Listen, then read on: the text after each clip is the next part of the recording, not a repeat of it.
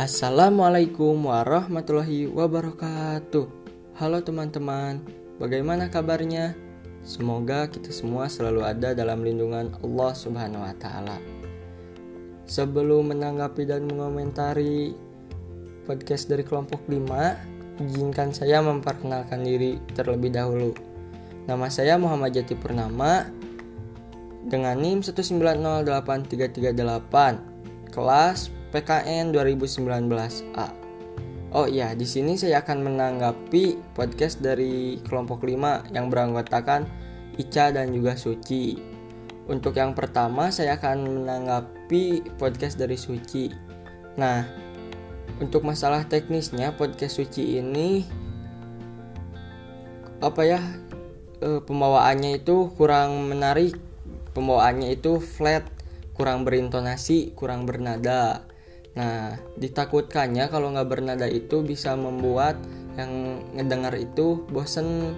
Jadi untuk alangkah ke depannya, coba sedikit demi sedikit uh, pakai nada gitu, jangan flat, cuma nggak uh, ada nadanya kan bisa bikin bosen yang dengar.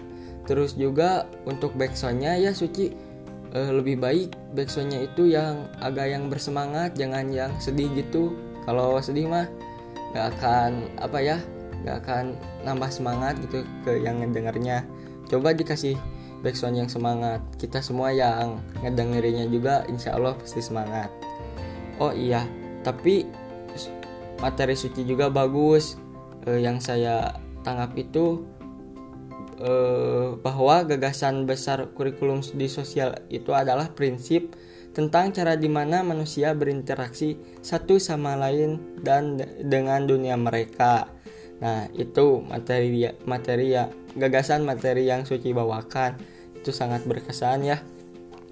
Terus selanjutnya saya akan menanggapi podcast yang, yang dibuat oleh Ica Suciati. Kalau Ica mah nggak usah ditanya ya, Ica mah uh, uh, apa ya? Kalau Ica mah bagus gitu podcastnya rame lah.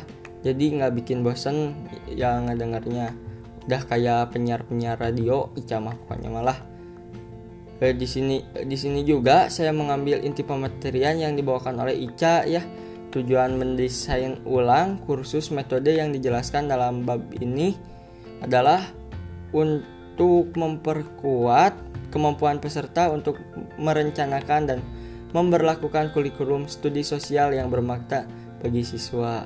Hmm. Oh mungkin untuk mungkin segitu saja yang dapat saya sampaikan ya. Mohon maaf kalau ada kekurangan kata-kata. Maafin banget ya pokoknya. Terus ya pokoknya segitu.